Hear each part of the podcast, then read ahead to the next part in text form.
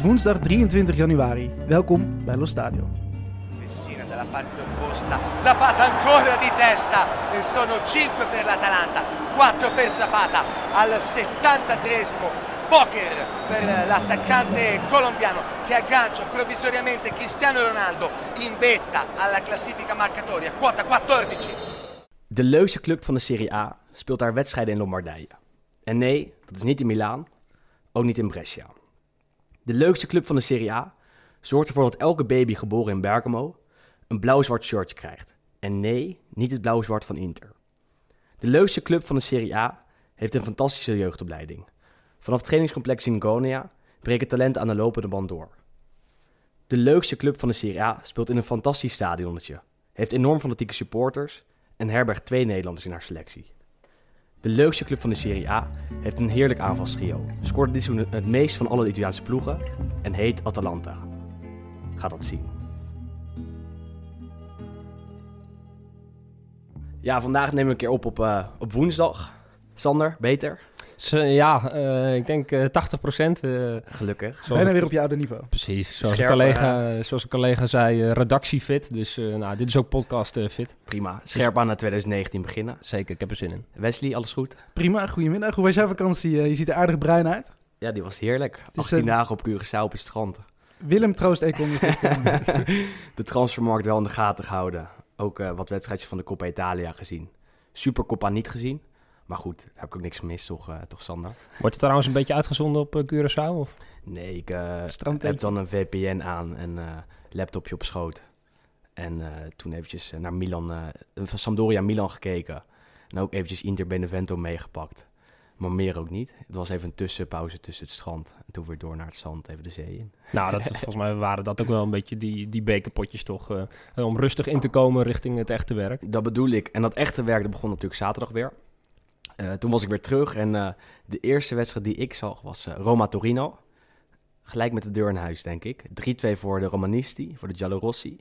Ja, de wedstrijd gezien, Wes? Ja, ik heb hem inderdaad gezien. Het was ja, goed Roma meer met Zaniolo. Vind ik toch echt een van de revelaties dit seizoen. Maakte de 1-0. Hele knappe actie. Ehm, ja, schoot eerst mis langs de bal ongeveer. Werd geblokt. De bal kwam nog een keer terug voor zijn voeten. En ik weet niet hoe het deed. Met een soort breakdance move vloog die bal alsnog achter Sirigu. Eh 1-0, toen 2-0 even later. Eh, toen kwam Torino terug tot 2-2. Eh, dacht je toch weer van nou, Roma trapt weer in de val. Toch wankel daar achterin. Toch wankel inderdaad. Het ziet er niet eh, heel, erg, eh, heel erg zeker uit. En uiteindelijk is het dan El Sharawi 3-2 Roma. Dus eh, Mooi paasje van eh, Pellegrini. Ja. Die op een middenveld stond met eh, Cristante en Zaniolo. Full Italian middenveld. Nou, en Sanjolo had los van, eh, van die goal nog een gigantisch mooie actie in de, in de eerste helft. Ja, wat je al zei, echt een revelatie eh, dit seizoen. En eh, no Sanjolo, no party is het inmiddels. ja, bijna wel. Zou Inter zich nog achter haar eh, hoofd krabben? Of achter de Sowieso. oren? Ja, toch? Ja, maar ja, dat moet wel. Want hij was sowieso bij Inter stond hij al aangeschreven als een van de meest getalenteerde jongens in die hele jeugdopleiding eigenlijk. Dus ik, ja, ik verbaas me eigenlijk al dat hij zo makkelijk eigenlijk in die deal met Nainggolan werd betrokken. Ja, was om de financial fair play Ja. regels eh naar Daan te voldoen. En daardoor goed, dat was, nou inderdaad, Engeland ja, maar dat was nou inderdaad net de enige speler die ik misschien niet had geruild. Nee, Ehm. maar aan de andere kant zijn er ook een paar anderen weggegaan. En ik wil Inter natuurlijk niet vol verdedigen, want naar Engeland bakt er niets van eh, in het blauw-zwart van Inter. En eh, het Zaniolo is fantastisch. Eh, maar dat er meer redenen dan alleen de financiële, of dan alleen de sportieve kant, ook de financiële kant, Ja, was het een, eh, een redelijke transfer. Maar het Maar is toch pijnlijk om hem te zien daar op het middenveld in het Olympico. Ja, bewijst ook wel misschien een beetje dat de grote clubs zoals Inter, zeg maar, dat die eigenlijk alleen maar op die korte termijn nadenken. Kijk, Nainggolan, waar gingen ze vanuit, daar gingen wij ook vanuit, dat die er meteen eh, weer zou staan. Eh dan, ja, die heeft gewoon wat meer tijd nodig. Maar ja, waarschijnlijk over drie jaar eh, heb je aan een Zaniolo eh, tien keer zoveel als aan Nainggolan. Maar ik denk ook niet dat hij de kans had gekregen bij, eh, bij Inter. Spalletti geeft de jeugd meestal niet heel veel kansen. Dit niet dat hij al eh, de nummer 10 positie of achter de spits eh, Icardi had gegeven aan Zaniolo. Eh, en na Ingoland had hij al mee gewerkt. Dus toen dacht hij, ja, win-win. Geef een kleine jeugdspeler weg. Die Ja, eh, achteraf, in eh, Roma als een nieuwe Totti uitgepakt. wordt benoemd. Ja, Precies. En Maar- Karsdorp speelde ook weer. Goeie, ja, goed gespeeld weer. Lijkt inderdaad weer een beetje herboren. Ehm goede paas op de want 2-0 van Rome was een penalty. Hij gaf een goede paas op, eh, ik weet niet wie, het, wie er toen doorliep. Weet ik ook niet. Buitenspeler geloof ik. Die werd neergehaald en daardoor de keeper. Nou, 2-0 Kolarov. basisplek voor Kluivert ook. Ja. Die steeds vaker begint en het eh alleraardigst doet, denk ik. Nou, nu van links, hè. Nee, goed, dus we hebben inderdaad de Nederlanders de afgelopen maanden van, nou, of tenminste, de Nederlanders van Roma natuurlijk ging niet heel erg lekker, maar ze beginnen steeds beter in vorm te raken. Dus misschien eh, toch nog een eh, ja, Sowieso goed begint- einde van het seizoen. Sowieso begint Roma veel beter in vorm te raken. Ze staan inmiddels vijfde. Zijn zij de, uiteindelijk toch wel de diesel die eh, uiteindelijk vierde wordt? Ehm, nou, ja, het begint er wel steeds meer op te lijken. Eh, ik denk dat gewoon die, die, ja, die strijd om de vierde plek, dat zal tussen twee, drie clubs gaan. En het is lastig te zeggen of dat uiteindelijk, wie, wie dat uiteindelijk wordt. Eh feit is wel dat Roma de laatste weken echt, eh, echt hun vorm weer begint te, te naderen. En we hadden het net even over die backs van Roma, ook bij Torino trouwens, met die Ansaldi. Dat is echt een hele goede back. Hij scoorde ook, Ja. maar los daarvan eh, valt me al wel een paar wedstrijden op. Hij is ook wel redelijk oud, een jaar of 31, volgens mij ook bij Inter gezeten. Zeker, daar was hij eh, niks. Nee, maar hij doet het, ja, voor Torino is het echt een prima back. Ja, maar hoger denk ik niet, eerlijk gezegd. Ik denk dat hij daar aan zijn top zit, aardig meedraait, assistje, doelpuntje. eh, daar wel op zijn plek zit. Zeker in het systeem van Mazzari, waar hij veel mee op mag komen. Met drie centrale verdedigers en echt nou, een back die bijna middenvelder is. Heeft hij weinig verdedigende taken en, eh, en dat doet hij aardig, denk ik. Ja, zeker. Maar goed, nam het op tegen Roma, eh, Torino.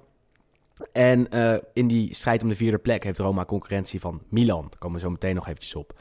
En Atalanta. En Lazio. En Lazio zeker. Ehm, en misschien zo uh, Fiorentina of Sampdoria.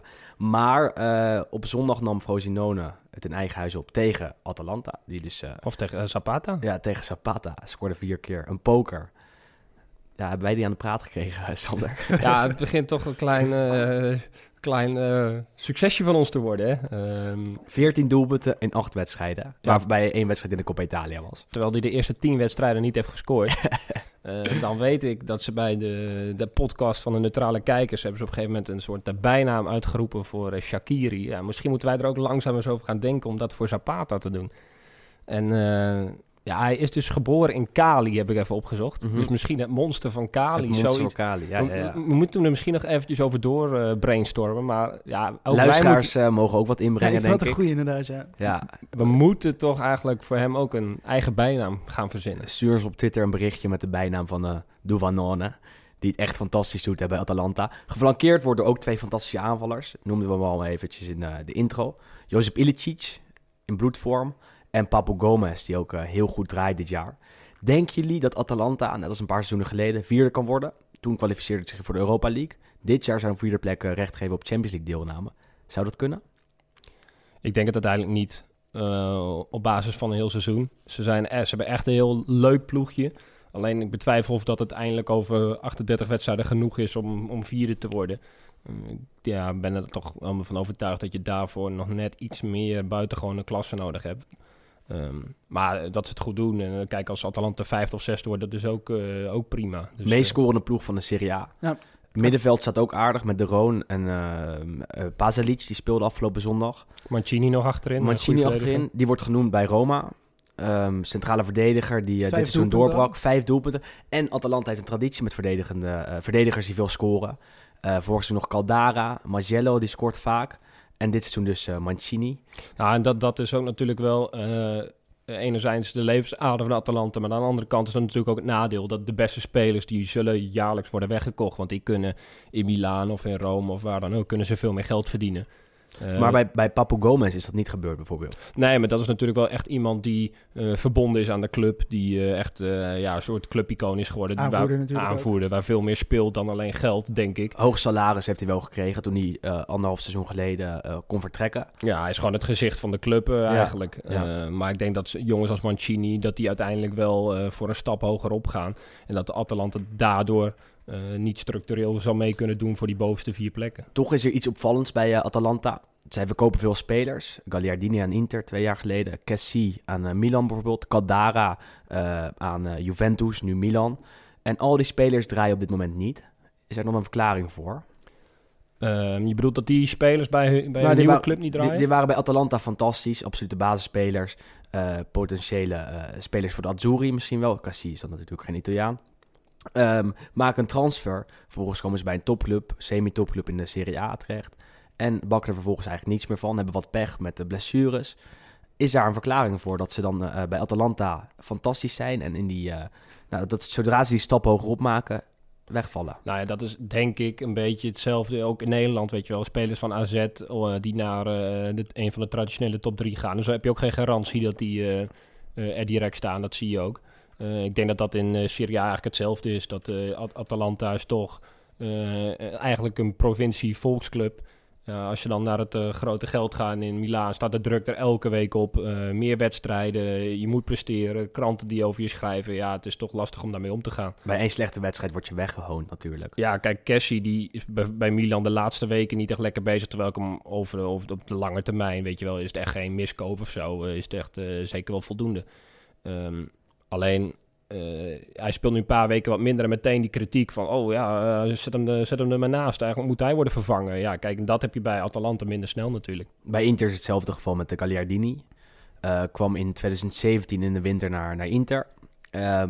eerste seizoenshelft was hij fantastisch. daarna weggevallen en nu is hij eigenlijk de zesde middenvelder. Wordt misschien verhuurd aan een Fiorentina of een Torino. En daar zul je zien dat hij wel weer zijn klasse hervindt en het wel weer oppakt. Dus er is iets met die, met die mannen. Ik denk ook dat je wel kudos moet geven aan Gasperini natuurlijk. Die heeft het altijd heel goed, uh, ja, ook gewoon tactisch heel goed in elkaar zitten. Um, ja goed, ik weet nou niet precies wat, uh, wat het verschil van aanpak is tussen zo'n Gasperini of een, of een beter een Gattuso of een Spalletti. Um, maar goed, als je inderdaad bij Gasperini echt een duidelijke rol krijgt, kun je natuurlijk ook wat makkelijker misschien in spelen dan bij Inter of, of, of Milan, waar je misschien toch iets anders moet acteren. En Gasperini is natuurlijk ook een provinciaalse manager. Uh, zodra hij de stap hogerop maakte, dat was naar Inter in 2011, meen ik pakte hij er ook niks van. Had natuurlijk wat pech met transfers, met spelers die over een top waren. maar werd na vierde wel ontslagen. En volgens mij, als ik me niet vergis, Atalanta heeft ook een tijdje eh, rond de 14e, 15e plek gestaan. en, en, toen hielden ze wel gewoon vertrouwen in Gasparini. En dat is natuurlijk wel het verschil. Uh, als je bij uh, Inter of Milan 14 of 15e staat, dan uh, ja, de kans is heel groot dat je er meteen uit ligt. En bekijk bij Atalanta kan je gewoon rustig bouwen aan iets. Uh, dat zie je toch ook aan een, uh, aan een hatenboer. Ze zijn in het begin ook wel voorzichtig mee geweest. Ze hebben ze ook de tijd gegeven. En uiteindelijk staat hij er ook in en bewijst hij zijn waarde. Maar ja, dat, die tijd krijg je niet bij andere clubs. Zelfs, zelfs voor Goossens op links. Ja. Eerste seizoen ernaast gestaan. Ex-Dordrecht, ex-Heracles. En nu gewoon basis spelen bij Atalanta. Ja, en als we dan zeg maar, doortrekken, Zapata, als die naar Juventus gaat, hij is natuurlijk bij Napoli geweest, wat geen succes was. Uh, als hij naar bijvoorbeeld Juventus gaat, ja, zou hij dan net zo goed dat doen? Dat denk ik niet. Lijkt me ook niet. Zou dit tekort komen? Een speler die uh, afgelopen zondag ook opviel, naast de Zapata, was uh, Luis Muriel. Maakte de transfer van uh, Sevilla uit Spanje naar Fiorentina. Werd verhuurd, half, half jaar. Zou nog misschien even naar Milan gaan. Uiteindelijk Milan afgewezen en kwam bij Fiorentina terecht. Debuteerde afgelopen zondag tegen Sampdoria, zijn oude club. Scoorde direct twee fantastische doelpunten. Ja, typische Muriel solo's. Ja, fantastisch. Nee, zeker die tweede. Daar begon hij echt op, nou, misschien wel 60 meter van het doel van, van Sampdoria. Uh, draaien, bal door de benen, sprinten, lange hoek. Ik had een discussie met iemand op Twitter, ik weet niet meer uh, wie het was. Waarbij ik zei dat het twee werelddoelpunten waren, vooral uh, de tweede. En hij ontkende het. Hij zei, kijk even wat die verdediging van Sampdoria doet. Ze doen helemaal niks. verschrikkelijk. maar goed, uh, die actie uh, bij ja, de, de, actie bij de mooi, tweede maar... goal is fantastisch. Hè? Hoe die... Ik heb vanochtend inderdaad die doelpunten nog even teruggekeken. En zeker die tweede, dat hij inderdaad echt van diep op eigen helft begint. Achterstambbeen. Uh, ja, nee, dat was, dat was prachtig. Maar vooral ook die verdediger Tonelli. Ja. Ik vind dat sowieso echt een verschrikkelijke verdediger. Ik weet ook niet hoe hij ooit bij Napoli terecht is gekomen. Maar dus Muriel moet je dus voorstellen, die rent dus op het doel af. En Tonelli rent dus niet naar hem toe. Die rent naar de andere vrije man aan de andere kant van het veld. Waardoor Muriel gewoon rechtstreeks op het doel af kan. Alla Sinkgraven bijna. Hoeft echt, hoeft, ja, er komt niemand op zijn pad, dus hij kan hem gewoon inschieten. En dat is wel, eh, vind ik wel mooi van Muriel, uh, wat best wel zeldzaam is in de voetballerij. Hij heeft zijn jaar wordt gegeven aan Fiorentina. Milan kwam nog op het laatste moment, tenminste als je de berichten moet geloven, op het laatste moment van, nou je kan ook naar, uh, naar uh, Milaan komen. Hij heeft gewoon gezegd, nee, ik heb mijn jaarwoord gegeven aan Fiorentina, dus, uh, dus daar ga ik naartoe. Dat, dat is wel prachtig woord, ja. Makkelijkere club om nu ook uh, bij te spelen, denk ik, dan Milan. Om in de spits te staan. Ah, komen we toch bij Milan terecht. Speelde op maandagmiddag om uh, drie uur. Absurde tijd. Op een erg raar tijdstip. Ja, dat vanwege de, de veiligheidsredenen. vlak voor de winterstop nam Inter ten eigen huis tegen Napoli op. Waarbij de rellen waren, naast de racistische geluiden in het stadion, waren er ook ongeregeldheden buiten het stadion kwam een uh, ultra uh, om het leven bij rellen. Het was geen ultra van Inter, niet van Napoli, maar van... Uh, van Van Rees inderdaad, die helemaal daar vandaan was gekomen om te relschoppen. En toen heeft de minister van Veiligheid, of degene die daarover gaat, Salvini, die natuurlijk veel meer functies heeft binnen de regering, heeft besloten dat er geen risicowedstrijden meer bij nacht, ja, s'avonds laat mogen worden gespeeld. Die moeten bij daglicht worden gespeeld. Daarom moest Genoa Milan op maandag om drie uur worden gespeeld. Omdat Milan natuurlijk vorige week die Supercoppa-wedstrijd had gespeeld in Abu Dhabi. Daarom moest ik met mijn laptop en daarnaast eh, een schermpje op mijn telefoon eh, met de Serie A Ideaal pas was moest ik het kijken. nee. Het was niet ideaal, maar we hebben het gezien. Wel gewonnen. Wel gewonnen, wat eh, het belangrijkste is. Eh, Heel veel moeite. veel moeite. Donnarumma uitblinken, dat zegt wel veel. Hij heeft veel reddingen moeten verrichten. Fantastische redding op een vrije trap van eh, Miguel Veloso. Ja, echt een paar hele goede reddingen. Ehm ander positief punt was natuurlijk de nieuwe aankoop Paqueta. Eh, die eh, zich... eh, Verrukkelijk. Is zo. ja, dat is wel echt... eh, De echt video's en de gifjes Ja, kwamen weer man. voorbij en het was echt weer genieten. Ah, dat is ook een beetje het gevaar, weet je wel. Ehm, hij heeft wel echt dat showboten in zich. Eh, hij komt er nu nog mee weg, maar binnenkort gaat Ja, er bijna, natuurlijk zo bijna niet meer, want inderdaad dat filmpje waar we, tenminste die we, waar we, die we allemaal hebben gezien met die sombrero over, de, over die verdediger, die leidde gewoon een counter Een stukje van in. Ah, de counter is er even afgeknipt. en eh, kijk, Italiaanse verdedigers zien dit ook. En volgens mij vinden ze het niet heel leuk als, als zo'n Braziliaans kind, want dat is Ja. het, als die, eh, als die eventjes met hun eh, loopt te dollen. Dus die gaat binnenkort een gigantische zaag krijgen. Maar het is wel eindelijk een speler bij Milan waarvoor je naar het stadion komt. Eh, eh, op het middenveld brengt hij iets wat geen van die andere middenvelders brengt. En dat, is, dat maakt hem die 35 miljoen wel, wel zeker waard. Eh, en volgens mij gaan we hier nog wel veel meer van Ja. genieten. Hij wordt ook een, scoren eh, zelfs nog. Zeker, maar hij wordt ook een Europese Braziliaan genoemd. Dus hij heeft dat Brazili Braziliaans toch wel in zich met die trucjes en eh, Ah, en die, die flair. Maar tactisch is hij al best wel aardig eh, eh, aan dat- het meedraaien bij dat Milan, herken denk ik wel echt, want hij werkt ook echt hard. Hij, Zagen hij kan maakt- hij ook zelf eh. Ja, hij, ma- hij- hij maakt tackles, maakt veel vuile meters. Dus absoluut eh, geen, eh, geen luie speler. Pakt een slim gele kaartje ook nog om een aanval van, eh van Genoa eruit te halen. Nee, het is echt eh, tot nu toe eh, een super aanwinst. Eh, hopelijk houdt hij dit lang vast. Kijk, eh, vanaf het begin werden natuurlijk de, de, de grootste vergelijkingen gemaakt met KK en zo. Nou, dit, dit blijkt wel een andere speler. Maar het is wel echt een speler waarvoor je naar het stadion komt. En eh, die Milan absoluut nog niet had. Nee, en eh, Milan midden in de transfermarkt natuurlijk. Ja, het is druk. Daar gaan we het nu even over hebben. No, I think for every kid uh, who starts to play football is a big dream to play in uh, in a club like Barcelona. So for every football player and especially for me, it's a, it's a big dream coming true. Kevin Prins Boateng maakte de overstap van eh, Sassuolo naar Barcelona. Dat is sowieso de meest opvallende, toch? Erg verrassend, hè? Van jullie dat verwacht of aanzien komen? Absoluut niet. Nou ja, hij- sowieso niet vanuit Barcelona-oogpunt. Kijk, al- hij deed het goed als hij start inderdaad bij Sassuolo. Was het echt gewoon prima. En als hij er niet was, was Sassuolo ook gelijk een stuk minder. Ehm, hij speelt er pas een half jaar. Dus het is inderdaad natuurlijk ook niet dat je denkt van... nou, dit is het moment om te gaan. Valse spits bij Sassuolo ja, maar goed, systeem. inderdaad, Barcelona had ik inderdaad totaal niet verwacht. en vooral eh, toen hij naar 31 jaar Sassuolo ging... heb je vooral het gevoel van... oké, hij, eh, hij heeft bij- Milan geweest. Hij is, hij is bij grote clubs al geweest. Eh, oké, ik ga nog even naar Sassuolo... om daar nog even een paar jaartjes zeg maar... Ja, Las Palmas, Eintracht, Frankfurt Precies, en Sassuolo beetje- toch een beetje afbouwen. Precies. Ja, dat niveau, ja. Dus ik had eigenlijk al het gevoel dat zijn carrière al een beetje omlaag aan het gaan was. En dan kom je opeens uit bij, ja, bij Barcelona. Wordt gehuurd met een optie tot koop van eh 8 miljoen. Prima deal voor Sassuolo, denk ik. Dat ze nog 8 miljoen vangen voor een spits die nou, misschien nog een seizoen hierna had kunnen meedraaien of twee. Maar waar ze nu makkelijk een vervanger kunnen, voor kunnen halen. Weet je wie wordt genoemd?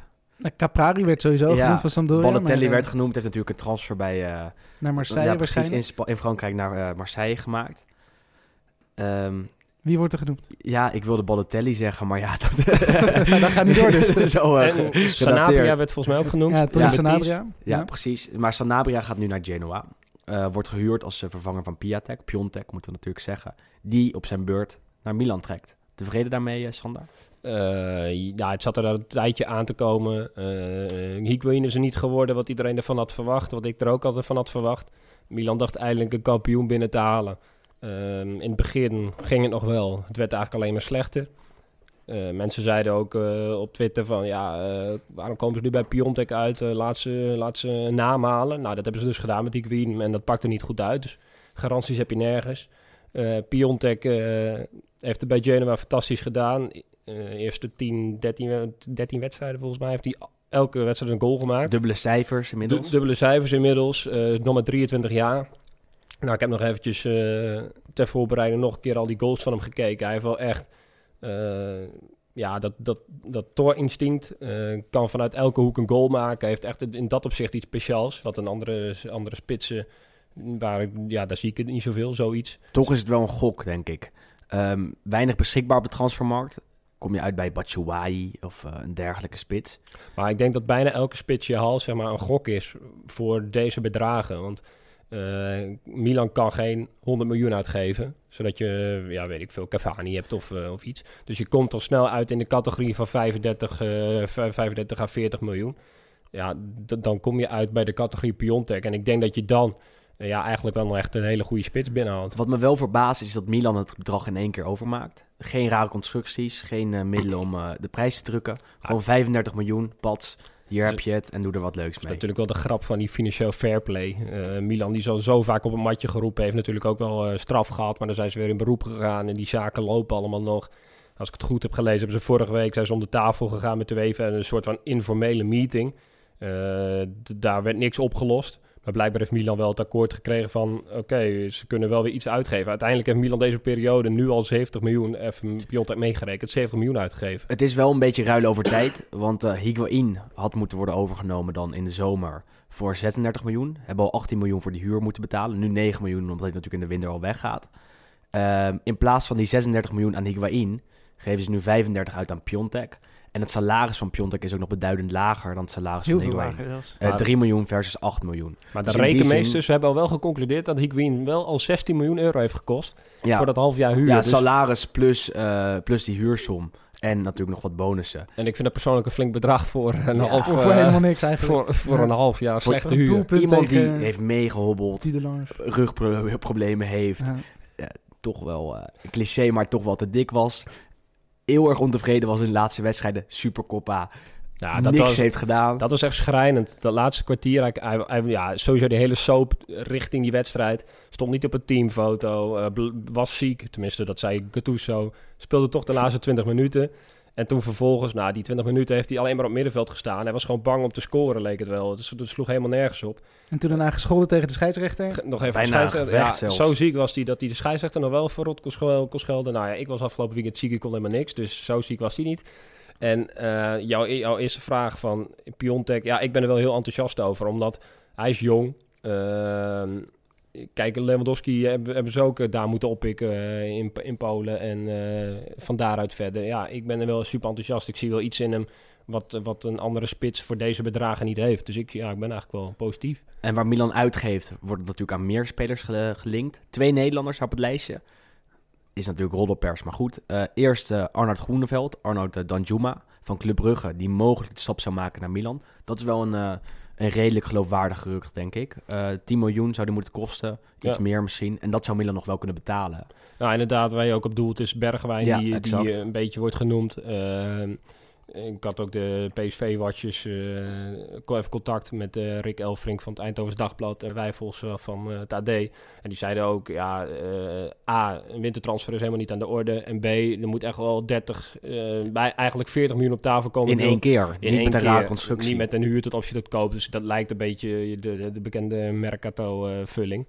Ehm eh, Danjuma Groeneveld, dat zou zeker wel kunnen. Club Brugge, die is toch een iets minder vermogende club. En ik denk dat, daar, dat je daar nog wel een optie met koop mee zou kunnen afspreken. Alleen volgens mij is die geblesseerd op dit moment nog, Ja. Groeneveld. Eh, Dus dan zou hij nog een half jaar revalideren in België bij eh, Club Brugge. En dan pas een stap maken naar, naar Milan. hij is niet zo lang geblesseerd, toch? Voor mij is die, heeft hij gewoon enkel blessure. Nee, maar, maar dan, ze wilden niet, niet de gok nemen om nu al te nemen ehm, en met Milaan te hebben. Eh, maar hem nog even in België te laten zitten. Maar dat zijn allemaal geruchten. nou, dan snap ik het eigenlijk niet. Want Milan die heeft echt nu een linksbuiten nodig. Eh, omdat ze heel erg ontevreden zijn over Calhanoglu. En terecht. En ja. Borini vond je niet goed spelen tegen Genoa. Eh, Scoorde wel bijna. Borini Scoorde doet, zelfs. Borini doet oh, altijd... scoorde zelfs, scoorde- ja. ja, scoorde. ja, Scoorde Borini- daarvoor nog bij. Borini doet altijd zijn best, maar eh, voor de rest heb Dat is je... inderdaad ook niet het niveau van Milan. Nee, dat, Nee. dat kan gewoon niet. Dus ze zijn nog echt wel op zoek, als ik de vader moet geloven, naar linksbuiten. En eigenlijk ook nog een middenvelder. Naar Carrasco, die, eh, die, de- de- die gesprekken schijnen nog een beetje te lopen. En misschien nog een middenvelder. Ja, Sensi is eh, vanaf het begin genoemd. Maar, Diawara van Napoli. ja, Wel maar- onbetaalbaar. Start afgelopen zondag ook in de basis bij Napoli tegen Lazio. Denk ik niet een eh, speler die eh, de stap zou willen maken naar Milaan. Hè? Nee, en volgens mij Ancelotti wil hem niet eens laten gaan. En dat snap ik ook wel, is een goede speler. Maar dat Milan geen geld heeft, of het anders niet kan uitgeven, dat is ja, de grootste larikoek. Want ze, ze mijten die miljoenen weer als vanouds. Andere transfers die jou zijn opgevallen, Wes? Uh, nou, we hebben vorige week, heb ik met, met Isaac al een beetje, zijn we er doorheen gegaan. Natuurlijk Aaron Ramsey, Juventus. Um, om toch even dan bij Juve te blijven. Uh, ja, verdedigend staat het goed. Aanvallend staat het eigenlijk goed. Die Bala deed weer, deed weer aardig eindelijk. Uh, maar toch, ja, dat middenveld. Ik heb het hier al vaker gezegd dat ik er totaal niet van gecharmeerd ben. Eigenlijk de enige die een beetje mee kunnen in het, ja, in, in ook een beetje mooi voetbal zijn Bentancur en Pjanic. Nou, Bentancur die pakt ongeveer iedere wedstrijd een gele kaart. Dus die is onder drie wedstrijden is die geschorst. Dus daar heb je niet heel veel aan. Uh, Darmian wordt genoemd voor Zeker over een heel seizoen, uh, seizoen inderdaad. Um, dus ja, ik zou sowieso natuurlijk ook Kedira en Chan zijn ook ongeveer onder haverklappen ge geblesseerd. Dus er moet sowieso eigenlijk nog een middenvelder bij. Um, en bovendien inderdaad zijn ze bezig met Darmian onder andere. Um, ja, een goede, goede back, een beetje te vergelijken met De Chilio misschien. Kunnen allebei op links en op rechts spelen. Um, dus dat is natuurlijk altijd iemand een goede om erbij te hebben. Zou meehobbelen, misschien een dertiende man zijn, ja, maar niet voor de basis nee, dat, dat, nee, dat absoluut. Nee, ja, goed, je hebt uh, Cancelo natuurlijk aan de ene kant, Alexander aan de andere kant. Exact. Je mag Montolivo wel hebben. om mee te hobbelen. ja, als, als Nee, maar dat middenveld, nee, maar ik vind dat middenveld, ja, goed, Matuidi, die stopt er in ieder geval nog wel een beetje strijd in. Maar Kedira is echt iedere wedstrijd geblesseerd. Chan, nou, hij heeft nu nog gescoord afgelopen weekend, maar die heeft eigenlijk ook nog geen enkele wedstrijd laten zien dat hij echt een meerwaarde is. Wat verwacht jij van Ramsey? Ja, ik ben, ik, ik, ben echt heel benieuwd. Het is natuurlijk ook echt een hele ja, blessuregevoelige gevoelige speler. Dus je moet natuurlijk ook maar weer het geluk hebben dat hij fit blijft. Um, maar goed, hij heeft, laat bij Arsenal toch wel regelmatig nog zien dat hij echt wel heel veel, heel veel klasse heeft. En goed, als je hem toch redelijk, ja, tussen aanhalingstekens gratis op kan pikken. Nou ja, uh, Juventus heeft altijd wel patent op dat soort spelers. Nou, gratis is natuurlijk niet Ja, nee goed, de agent fees van uh, 8, 9 miljoen komen ja. sowieso nog bij. Dik salaris waarschijnlijk. En hetzelfde als met Emre Can inderdaad, want dat was officieel ook niet een transfervrije. Uh, het goed, ja, transfervrij hebben ze natuurlijk goed gedaan. Pierlo is natuurlijk wel ooit uh, daar gratis echt naartoe gegaan. En nog een paar spelers die natuurlijk... Uh... Wesley Moffelt die 15 miljoen nee, ik, nee, ja, Chan en... nou, precies. Andere ploeg waar nou, het een beetje rommelt, niet super actief is, is Napoli. Daar zou Allan misschien nog de transfer willen maken naar PSG in Frankrijk, Paris Saint-Germain. Nou ja, voor Paris zou het een fantastische aankoop zijn. En geen Frenkie, geen Frenkie de Jong, dat gaat niet lukken, dus uh, waarschijnlijk. Dan zouden ze die, die dus dan is dat het bedrag, Ja, precies. Precies dezelfde voetballer ook. ja, lijken enorm op elkaar. En uh, twee bikkelaars. Inmiddels wordt Napoli daardoor in verband gebracht met een Villarreal middenvelder. Pablo Fornals. Exact, uh, die ze voor 25 miljoen zouden kunnen ophalen uit Spanje. Ik ken hem niet. Uh, lees er wel veel positieve verhalen over. En dat is dan wel weer een knap zoutje scouting van, uh, van Napoli. Die met, uh, met Ruiz natuurlijk een, een, een voltreffer hadden uit Spanje. Ja. Um, en dit zou dan misschien wel een goede vervanger kunnen zijn. Ik denk niet dat zij Alan in de winter moeten kwijtraken. Nee, dat dan, denk ik ook niet. Nee, het is sowieso, want ook gewoon statistisch gezien heeft hij volgens mij de meeste balveroveringen. Uh, heel veel tackles die hij uh, die, die inzet. Dus hij is echt gewoon ook super belangrijk. Um, en is echt zo'n lekkere, ja, een guerriero, een echte strijder op dat middenveld van, uh, van Napoli. Dus ik snap wel inderdaad dat, dat Paris achter hem aan zit. Maar ja, Napoli zijnde zou ik hem sowieso houden. Um, of in ieder geval, ja goed, je, kunt al, je kan al wel een deal sluiten dat hij in de zomer gaat. Maar je moet hem echt niet nu kwijtraken. Dan ben je inderdaad echt ja, ik wil niet zeggen dat je dan je tweede plaats echt op het, ja, op het spel zet, maar... Nou ja, Jorginho en Alan in één jaar kwijtraken, dat, dat is wel dat is te veel. Dan raak je je hele middenrif kwijt. En ik hoorde net Villarreal, die hebben natuurlijk Sansone en Soriano ja. weer verhuurd ja, aan, Bologna. Aan Bologna. Bologna. Dat, is wel echt dat, goed. dat zijn leuke transfers. En Bologna is ook bezig met Spinazzola van uh, Juventus. Ja. Schijnt zelf het stap niet te willen maken. Maar misschien toch die kant op worden geduwd. Nou, Zeker als Darmian binnenkomt. Het zijn een beetje paniek aankopen natuurlijk. Uh, want Bologna die zit in een in paniekmodus. Bakken maar er niks van. Die bakken er weinig van. Je zult zien dat uh, Pipo Inzaghi er binnenkort uitvliegt. We zeggen het eigenlijk al een half jaar. Ja, nou, het moet bijna. Nou. Nog even langs Inter. Uh, ook Inter wordt in verband gebracht met de Steven Bergwijn. Um, dat is misschien iets reëler, niet voor deze winter, maar voor de zomer. Uh, aangezien Ivan Perisic er uh, helemaal niks van bakt dit seizoen. Hij is echt heel erg slecht. wil ook weg, zal ook een transfer gaan maken binnen nu een half jaar. En ook Keita Balde, de andere linksbuiten, een beetje tegenvalt. ze een optie tot koop van hem hebben, want ze, worden, ze huren hem nu van de AS Monaco voor 35 miljoen. En zou Steven Bergwijn misschien wel een iets duurzamere, betere, jongere optie zijn. Al is Ja. Keita Balde natuurlijk zelf ook nog jong. Ze hebben hem zien spelen in de Champions League. Dus, uh, Erg goed. Ik, uh, in San Siro was hij uh, by far de beste PSV'er. sneed echt door de verdediging, door het hart van de defensie van Inter. zou een interessante speler kunnen zijn voor de toekomst. Zeker nu Inter gaat bouwen richting nou ja, de strijd om het landskampioenschap over een aantal jaar. Laten we niet overdrijven dat het binnen nu een twee jaar kan, misschien over vier, vijf jaar. Dan zou Bergwijn daar wel iets aan kunnen bijdragen, denk ik. En tegels leggen, zeg maar, hoe zeg je dat? De fundering leggen voor de toekomst. En dan is Bergwijn wel een interessante, interessante speler. Nog even een klein stukje over de transfers. We hebben namelijk een mooie begrip erbij gevonden. Mi spieghi che cos'è tecnicamente un cucchiaio? Tecnicamente un cucchiaio è, è una cosa semplice. Ja, in Nederland hebben we gewoon de term miskoop natuurlijk. In het, uh, in het buitenland hebben ze andere termen. En in, in Italië hebben we bidone. Um, ja, letterlijk miskoop. Het is natuurlijk voor de spelers die uh, totaal niet aan de bak komen na een transfer. Meestal zijn het wel de wintertransfers, maar goed, in de zomer hebben we er ook een hele hoop uh, ieder seizoen. in Italië, ja, prijzen uitreiken vinden ze altijd leuk. Mensen belachelijk maken, mensen ophemelen vinden ze leuk. Dus ze hebben ook een, een prijs voor de grootste miskoop van het jaar. Dat begrip is, van deze week. Dat is inderdaad het begrip van deze week, de Bidone d'Oro. Um, je hoort hem uh, inderdaad vooral in de transferperiodes en de maanden daarna. Um, spelers die uh, ja, gewoon compleet floppen eigenlijk. Um, afgelopen seizoen was dat uh, Nikola Kalinic. Natuurlijk een vrij desastreus jaar achter de rug. Bij Fiorentina prima, bij Milan verschrikkelijk. Kroatië ging hij naar het WK, die haalde de finale. Kalinic ging naar, volgens mij voor de eerste wedstrijd ging hij al naar huis. Net na de eerste Wel een terechte winnaar. Nu bij Atletico begint hij, nou of tenminste heeft hij een paar doelpuntjes gemaakt, maar is het ook nog niet uh, je van het. En uh, ja goed, die heeft dus in ieder geval die Bidone d'Oro vorige seizoen gewonnen, net voor Chic en André Silva. Wel in een aardig rijtje staat hij. Ja, Ricardo Quaresma, Adriano, toen hij naar Roma ging, Forlan, uh, Bedner, Iturbe, Kondogbia. Zou je hem dan trots op de open haard zetten als je zo'n zo'n prijs wint? De gouden vuilnisbak. Ja, het is, uh, ja, goed, ja, maar het, het is dus wel opvallend op zich die namen die, die, die voorbij komen. Zo'n Caresma, zo'n Forlan. zijn geen slechte voetballers natuurlijk, hebben we echt wel wat bereikt. Uh, maar goed, ja, in Italië met transfers uh, daar naartoe, dat was inderdaad niet echt heel erg lekker. Mag ik twee namen nomineren voor de komende Bidone d'Oro? Dus ga je gang. Nou, die zijn de eerste zo genoemd, Gonzalo Higuain. Nummer twee, die hebben we ook al eerder behandeld uh, in de podcast, een paar afleveringen terug. Jullie kunnen wel raden, denk ik. Radja Nengolan. Ja. Ik stem op Radja. Ja, goed, als interista snap je dat. ja, het is inderdaad... Ja, je moet echt kijken naar... Ja, wat, wat, verwacht je? Je verwacht eigenlijk van beide spelers dat die er gelijk staan... en dat die hun vorm doortrekken naar allebei totaal niet gedaan. Um, dus wat dat betreft zal het inderdaad echt uh, ja, stuivertje wisselen zijn wie hem gaat krijgen. Maar het zou niet... Uh, ja, ik denk inderdaad dat hij naar een van die twee wel zou gaan. De um, d'Oro 2019. Wordt die uitgereikt, dan hoor je dat natuurlijk uh, allemaal in, uh, in deze podcast. Dan gaan we ze nog eventjes uh, postuum belachelijk maken. Ook. Zeker. Allora, Livorno Crotone 10, Bari Modena 11. Tesoro, è 1-0, 1-1. Scusi. Yeah. Livorno Crotone 1-0, Bari Modena 1-1. Ja, er staat een absoluut super weekend voor de deur. Drie topwedstrijden de mooiste is misschien wel op zaterdagavond. Milan en Napoli. Denk je dat Milan daar kan, uh, kan stunten, Sander? Nou ja, het is een interessante week, want dinsdag is het weer Milan-Napoli, maar dan uh, voor de beker. Um, kijk, Milan gaat geen tweede worden. Ze moeten deze wel winnen, maar ook de wedstrijd van dinsdag is heel erg belangrijk. Dus het is een beetje uh, lastig waar nou de focus op ligt.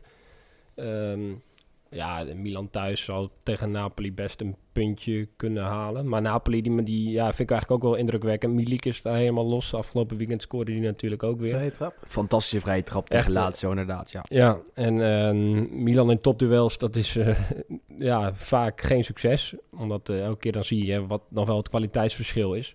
Ehm, ik eh, ga voor een gelijk spelletje dit keer. Milan-Napoli is anno 2019 niet meer een wedstrijd die echt om de titel gaat. Dat was het 20 jaar geleden, 30 jaar geleden wel. Iemand die er alles over weet is uh, Juriaan van Wessem. Met enkele Nederlanders vroeger die uh, daar uitblonken. En daar heeft hij het nu over. Zaterdag is het AC Milan-Napoli. De hoogste tijd om het eens over Ruud Gullit te hebben. Hoe goed was hij nou echt? Voor iedereen die jonger dan 30 is, is dat best een terechte vraag. Hoort hij nou tot de allergrootste sterren aller tijden? Nee, hij was geen Messi, Maradona of Cruyff. En ook geen Zidane, Van Hanegem of Van Basten. Dat is het rare met Gullit. Hij valt eigenlijk niet te definiëren. Maar hij was er echt goed en in bepaalde jaren zelfs imponerend. Een onvergelijkbare grootheid. Je zou hem zijn ontwikkeling misschien kunnen vergelijken met die van Mo Salah van een jaar geleden. Ruud Gullit was een bijzonder sterke, maar vooral ook spontane voetballer en had een machtige uitstraling. Hij brak door in Nederland toen ons land internationaal niet echt meetelde. Het was dan ook niet onlogisch dat het talent van Gullit tot zijn 25e niet echt werd opgemerkt in het buitenland.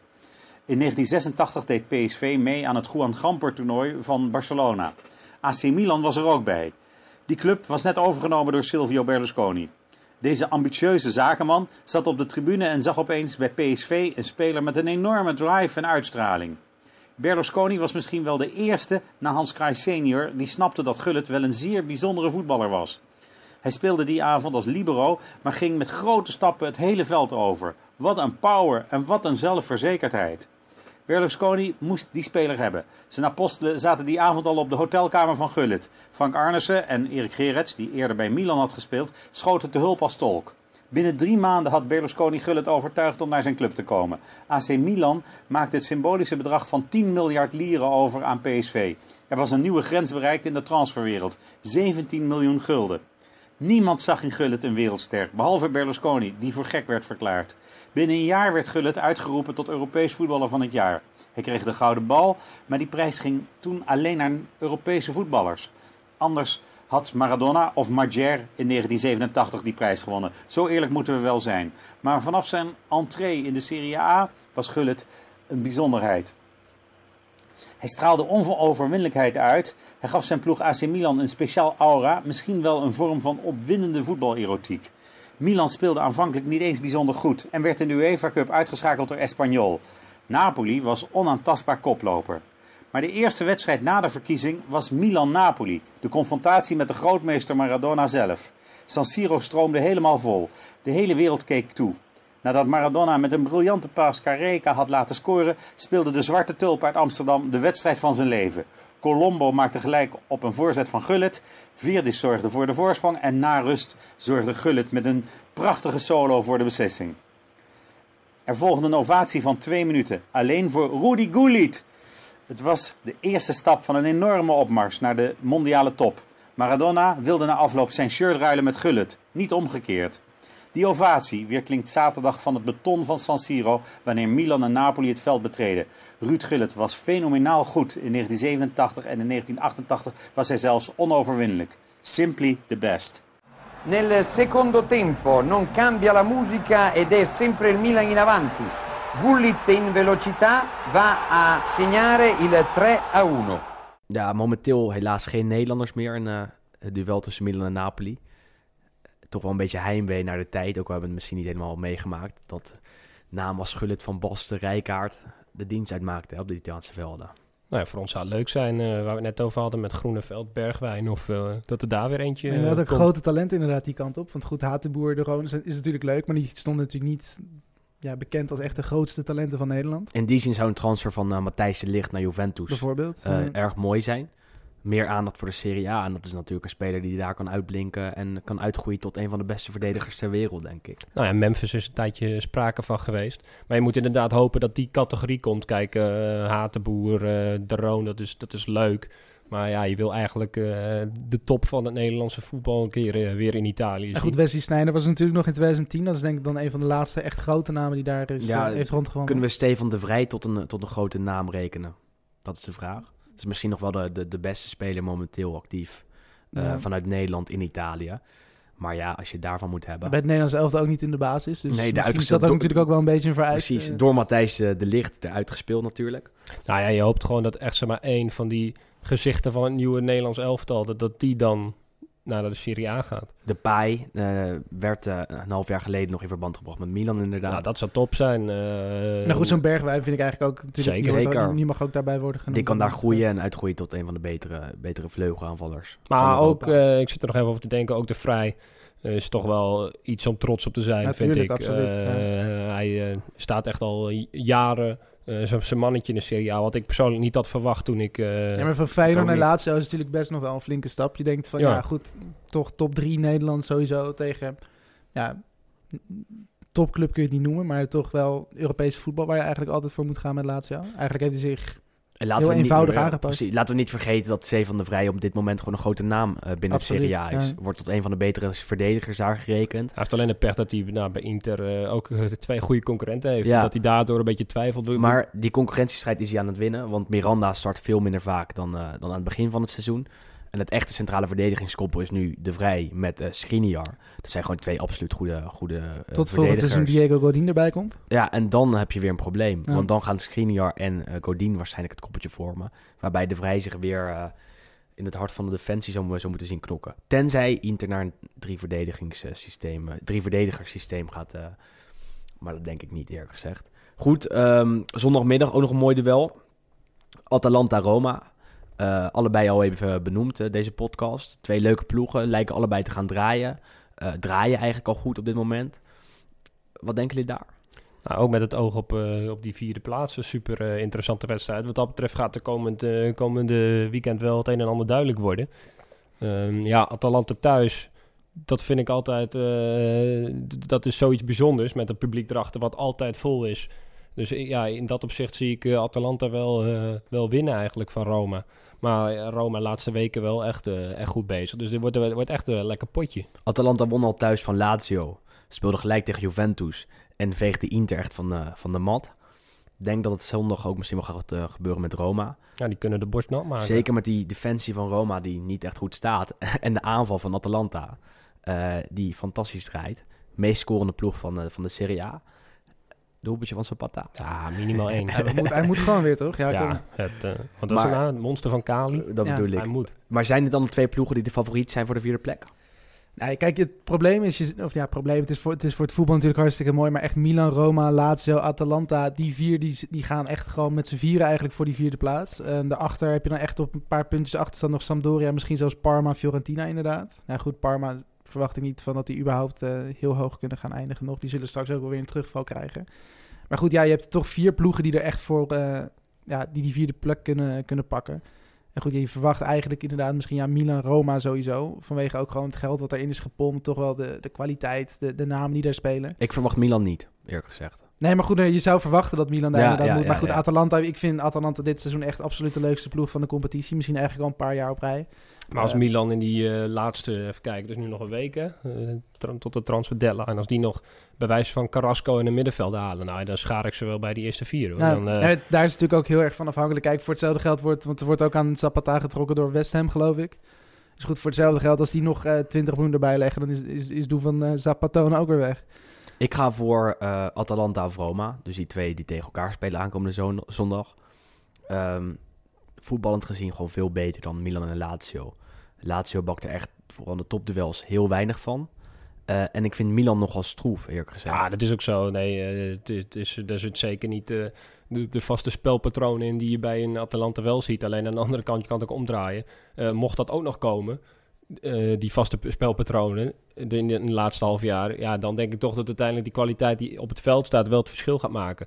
Maar ik denk dat die, die strijd om, om plaats 4, dat dat eh, gewoon echt een eh, race tot het einde wordt. Dat dat, vorig jaar werd volgens mij ook op de laatste speeldag beslist. hè, met de Ja. interrelatie. herinner ik me nog goed, ja. Ene Alsjeblieft Willem. Ene Stefan de Vrij die toen in de fout ging. Juichend in het commentaarhokje bij Eurosport.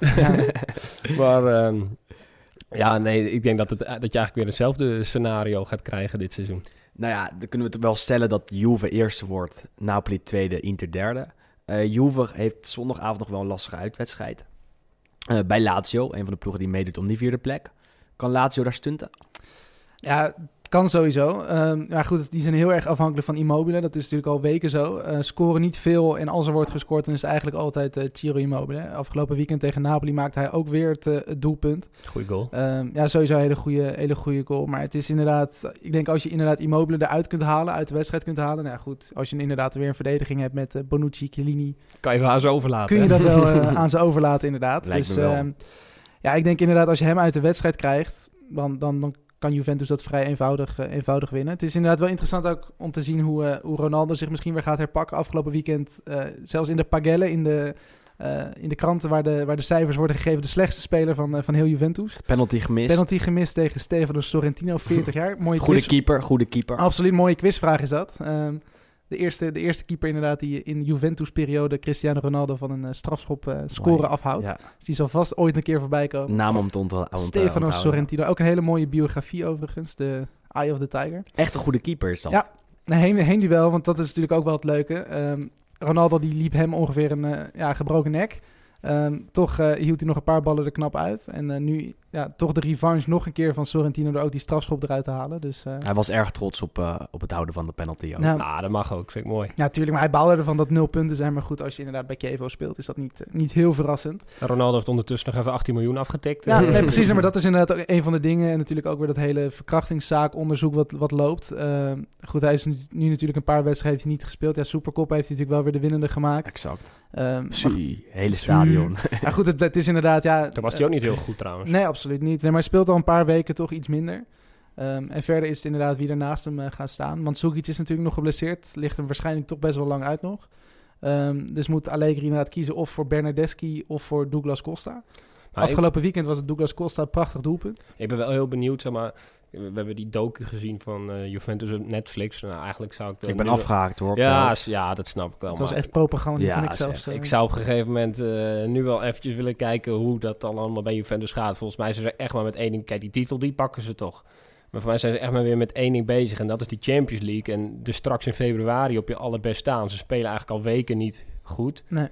Uh, alleen straks in die Champions League moet het wel uh, tegen Atletico en nou, wie weet nog verder. Moet het, dan moet het wel elke keer gaan gebeuren. En dan moeten ze ook echt beter gaan spelen. Dus ik ben zo benieuwd hoe ze daar naartoe werken met elkaar. Immense druk staat daarop, hè? Nou, ze ja, moeten, ze moeten moet eigenlijk ook echt wel dit seizoen natuurlijk. Zeker als je zo'n grote naam haalt, veel geld. Allegri is natuurlijk ook een paar keer gelinkt aan een stap naar het buitenland. Die zegt van, nou, ik wil echt nog die Champions League winnen. Maar ik denk als het dit, dit seizoen weer niet zou lukken, zou ik me niet verbazen als inderdaad Allegri ook gewoon volgend, uh, volgend Dit, dit is het jaar dat, het, dat het dat ja. absoluut moet gaan gebeuren. Anders kom je in de sleur terecht, denk ik. Dat ze telkens de Coppa winnen, telkens de, de Serie ja. A. En veel spelers die sowieso natuurlijk ook weg dreigen ja. te gaan. Misschien Dybala inderdaad naar Real Madrid. Ik had een discussie met Sam Planting van ook een mooie podcast, een voetbalpodcast. Um, er wordt wat gepodcast. Ik zei, ja, het is niet normaal joh. Maar ik zei uh, dat Paulo Dybala erg tegenvallend is dit jaar. En jij ziet alle wedstrijden van, uh, van Juventus West. Is dat zo? Ja. Hij vond van niet namelijk. Ja, jij, nee, maar kijk, het probleem was, jij noemde hem overschat. Dat vind ik dan weer iets anders. Hij, viel, hij valt enorm tegen, maar als hij het inderdaad goed doet... Je die klasse die druipt er vanaf. Het is echt een fantastische voetballer. Alleen het probleem is inderdaad vorig seizoen heel goed begonnen. Volgens mij iets van 10 doelpunten in zijn eerste nou, 10, 15 wedstrijden. Uh, dit seizoen verwacht je dan eigenlijk toch wel iets soortgelijks. 25 jaar oud natuurlijk, dat hij echt wel het team een beetje op, op sleeptouw neemt. En dat blijft nu uit. Um, heeft misschien ook een beetje moeite met Ronaldo's komst natuurlijk. Want hij was natuurlijk toch wel de grote man. Uh, koppel met, uh, met Higuain, uh, AKD werd het genoemd, ja. HD. Um, hij heeft ook wel stevige blessure gehad, toch? Ja, hij is er ook heel eventjes uit geweest inderdaad. Ja, toch ja, zwakke enkeltjes misschien maar je mag... door die lage sokken. Maar goed, het is, je, moet, ja, je moet sowieso van hem verwachten dat hij veel meer laat zien. Je mag meer van hem verwachten. Veel dwingender, ja. aanwe dwingender aanwezigheid in vooral de topduels. Absoluut. Um, overschat is dan misschien niet het goede woord, maar wel absoluut tegenvallend dit jaar. Want hij draait echt, tenminste je verwacht dat hij echt als een soort nummer 10 om Ronaldo heen zou draaien. Maar hij wordt nu toch iets vaker, zakt hij terug, dat hij naar de zijkant wordt verdreven een beetje. Tegen Kievo veel uh, balcontacten op ja. de eigen helft en volgens mij maar drie in de 16 van, uh, van Kievo zelf. Maar hij heeft wel weer iets bepalender, dus het, uh, het begon inderdaad weer aan te komen. Goede assist op Chan, had ook nog een, een andere assist kunnen hebben, ook een prachtige bal. Dus het lijkt, ja, maar goed, op, op basis van één wedstrijd kun je dat natuurlijk lastig zeggen. Maar, uh, maar ook voor mijn gevoel, die ballen die, als je dan aan hem denkt, dan zie je toch vaak die schoten uit het meest onmogelijke standpunt in de verre hoeken met, met zijn gouden linker. Tegen Barcelona kan ik me nog een paar. Ja, maar ik heb toch ja. het gevoel dat we dat dan echt de tijd niet hebben gezien. Exact, van hem. exact. Precies dat. Ja. Niet meer die, nee, die absolute flitsen van klasse. En dat had je in het begin wel echt heel vaak bij, uh, natuurlijk sowieso toen met bij Palermo nog, maar ook zeker in het begin bij Juventus. En dat is toch iets wat je de laatste tijd iets minder ziet. Ik herinner me nog een wedstrijd tegen Sassuolo toen hij echt een fantastische hat maakte. Een uh, paar afstandsschoten, volgens mij vrije trap erbij. En dat laat hij gewoon niet meer zien op dit moment. hey Sander, jij hebt uh, volgende week een snoepreisje. Ja, snoepreisjes. Naar uh, Milan. Milan uh, ja, sowieso komt er een fantastische bekerweek aan. Ja. dinsdag, woensdag, donderdag. ik kan alleen en ga ook alleen de dinsdag Milan-Napoli. Misschien met Willem naast me. Dat wordt nog vervolgd. Maar nee, dat is... kijk, het is altijd een beetje puzzelen met werk en, en andere dingen om uh, die kant op te gaan. En dit is uh, eindelijk een keer op een, uh, op, een, op een dinsdagavond, wanneer ik kan. En dan, ja, daar gaan we even optimaal van genieten. Want ik verwacht best wel een, een volgepakt San Siro eigenlijk. Want het is een kwartfinale beker. het is eigenlijk de enige kans van Milan wederom op een prijs. Juventus heeft een uitwedstrijd Atalanta. Ja, nou, die op kunnen, woensdag Op woensdag, die kunnen er maar zo uitgaan. En de, daar hoopt eigenlijk een beetje iedereen op. Want dan zou je maar zo eens een keer een prijs kunnen pakken. Um, nog ik, twee mooie wedstrijden trouwens ernaast ook nog. Op, uh, op woensdag Fiorentina-Roma en op donderdag Inter-Lazio. Ja, de, de bond heeft er alles aan gedaan om mooie kwartfinales ja, te krijgen. Ja, ja. En dat is uh, gelukt, want het zijn echt... Warme balletjes. Het zijn prachtige potjes. en ja, ik kijk uit naar misschien wel het debuut van Piontek... als hij die, die dan nog niet gemaakt heeft. Ja. Pa Paqueta voor het eerst live zien, dus ik heb, ik heb er wel zin in. Paqueta met Piontek hopelijk in de basis voor jou. Jongens, dat was hem weer voor deze week. Uh, nog één aanrader voor de luisteraars. Uh, luister ook eens naar uh, de Pantelits podcast. Podcast over Ajax. van Arco Gnocchi, Italiaanse naam. Goed, als je gnocchi heet van ja, achteren, dan moeten wij je inderdaad ook wel eventjes aanbevelen. En eh Freek Jansen. Nou, ik heb laatst eh, twee geluisterd en zeer vermakelijk. Dus, exact, doen. Jongens, tot volgende week. Tot volgende week. En laat ons ook inderdaad nog weten wat de bijnaam moet worden voor Doe van Zapata. Je kunt ons allemaal bereiken op Twitter. Doe er een leuke hashtag bij. Verzin wat leuks. De kuifarend van eh Gifan was eh, Shakiri. Dus ik denk dat hier ook wel wat moois van Hij moet iets beters zijn dan de, het monster van Kali. Ja. En wie weet wordt de beste bijnaam wel eh, beloond. Dopo un gol forte, dopo un gol svelto, ecco un gol furbo, come lo definirà poi negli spogliatoi Marco Van Basten. La difesa del Napoli si guarda attonita, ma che cosa ci sta succedendo? Sta succedendo che il Napoli incontra un Milan strepitoso, un Milan forte, un Milan furbo, un Milan determinato.